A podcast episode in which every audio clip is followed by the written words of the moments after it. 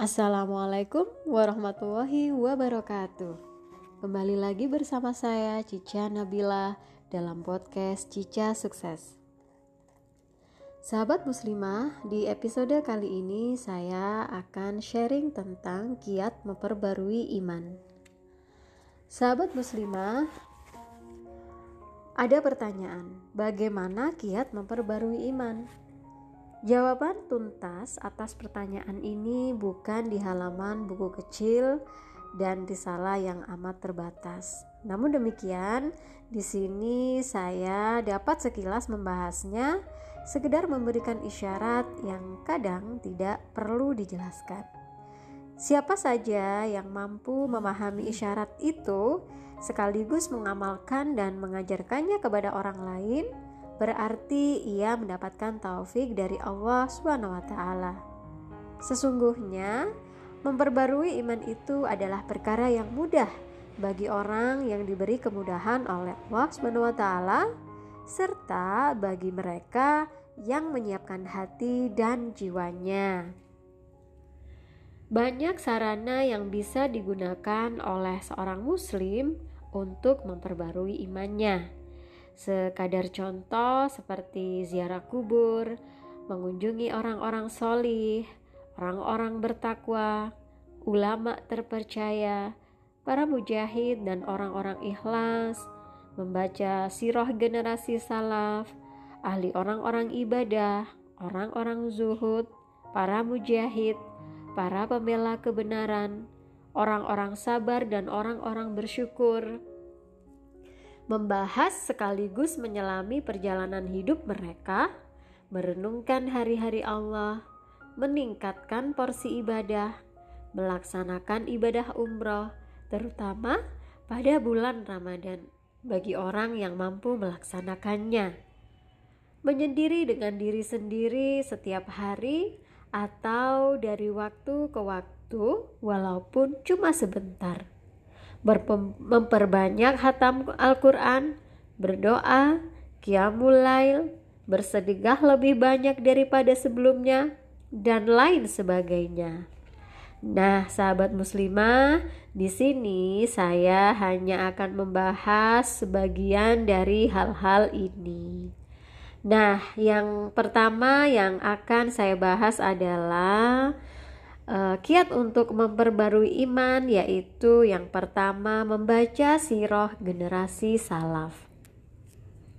Sahabat muslimah, membaca sirah orang-orang zuhud akan membuat hati zuhud. Membaca sirah para mujahid dan suhada akan membuat kalbu seperti melayang-layang di langit hingga seperti hidup bersama mereka belajar pada mereka dan berharap bisa menjadi salah seorang dari mereka.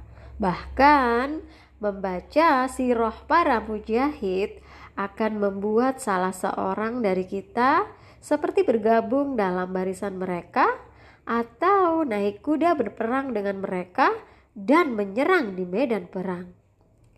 Betapa sirah Khalid bin Walid, Sa'ad bin Abu Waqqas Abu Ubaidah, Amir bin Al-Jarrah, Ikrimah, Al-Mikdad, dan Al-Musanna dapat menghidupkan hati siapa saja yang mengenal mereka. Memotivasi banyak orang untuk mati syahid di jalan Allah SWT, mendorong siapa saja untuk berkorban dan menyuburkan pohon Islam dengan darah para syuhada. Karena itulah, generasi sahabat sering mengajari anak-anak mereka tentang perang-perang Rasulullah Shallallahu Alaihi Wasallam, sebagaimana mereka mengajarkan ayat-ayat Al-Quran kepada mereka. Siroh tokoh seperti Khalid bin Walid sudah cukup menghidupkan kalbu umat secara keseluruhan, meledakkan semangat mereka, dan menguatkan tekad mereka. Salah satu rezim sekuler melarang diajarkannya buku Abqoriyah Khalid atau kecerdasan Khalid yang tadinya menjadi kurikulum SMU sejak beberapa tahun di negara itu.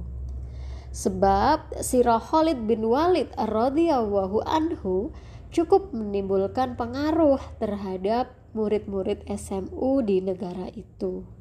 Padahal buku tersebut bukanlah rujukan utama dan ideal untuk mengkaji biografi Khalid bin Walid secara utuh. Kendati demikian, buku itu berpengaruh besar terhadap umat yang tadinya riroh mereka nyaris mati. Biografi Khalid bin Walid dan semisalnya mampu membuat seorang muslim meremehkan dunia, syahwat dan kenikmatannya yang bersifat temporer, membuat dirinya mencintai kematian dan berjalan di atas bintang. Padahal tubuhnya ada di bumi, menjadikan dirinya mengecilkan arti dirinya yang selalu memikirkan dan lengket dengan perhiasan murahan dunia. Biografi mereka sering menghilangkan ketakutan, kecemasan, dan bujuk rayu setan dari kalbu manusia, juga memotivasi kalbu mereka untuk bertawakal secara benar kepada Allah Subhanahu wa Ta'ala. Sementara itu, sahabat muslimah, membaca biografi orang-orang zuhud dan orang-orang solih itu bisa menumbuhkan kezuhudan dalam kalbu, mengairing, mengairingnya hingga tumbuh subur di dalamnya dan menghasilkan buah atas izin Allah Subhanahu wa taala. Biografi orang-orang ahli ibadah mampu mendidik jiwa manusia untuk gemar melakukan qiyamul lail, som sunnah, zikir, berdoa, khusyuk dan menangis, takut karena Allah SWT. Biografi orang-orang yang gemar bertobat dapat menumbuhkan benih-benih tobat dalam kalbu dan menggerakkannya. Yang tadinya keras, kini menjadi lembut karena sangat jauh dari Tuhannya. Juga bukan uh, juga membuka keran-keran air mata penyesalan dan tobat pada manusia yang tadinya tidak kenal menangis takut karena Allah Subhanahu wa taala. Sebelum mengakhiri pembahasan tema ini, saya ingin mengingatkan dua hal penting.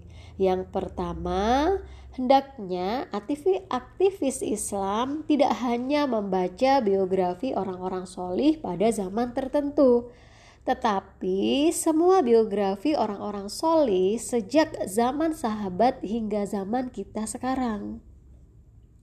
Dan yang kedua, membaca biografi orang-orang solih tidak membuahkan hasil yang maksimal, kecuali jika aktivis Islam mengosongkan hatinya dari seluruh kesibukan. Ia hidup dengan perasaan, hati, dan seluruh organ tubuhnya bersama biografi orang-orang solid tersebut.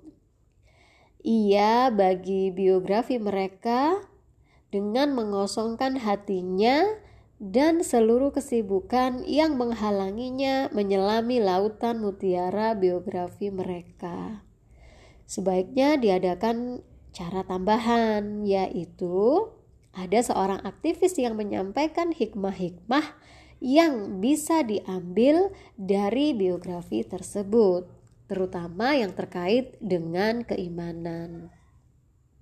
Sebaiknya aktivis yang menyampaikan hikmah diisyaratkan uh, berwawasan luas, bertakwa, solih, serta sering memberikan dananya di jalan Allah Subhanahu wa Ta'ala. Kemudian, dia juga sosok yang mempunyai pemahaman mendalam tentang siroh dan sejarah Islam. Jika itu dapat kita lakukan, kita mengerjakan kebaikan besar. Namun, fakta di lapangan menunjukkan bahwa syarat-syarat tersebut tidak ada pada banyak aktivis dan hanya ada pada sebagian kecil dari mereka. Kendati demikian, mereka mempunyai pengaruh besar dalam memperbarui iman dalam gerakan dakwah. Baik sahabat muslimah, untuk episode kali ini saya cukupkan. Sedangkan untuk kiat memperbarui iman yang kedua akan saya sampaikan di episode yang berikutnya. Demikian dari saya Cica Nabila. Billahi taufik wal hidayah. Wassalamualaikum warahmatullahi wabarakatuh.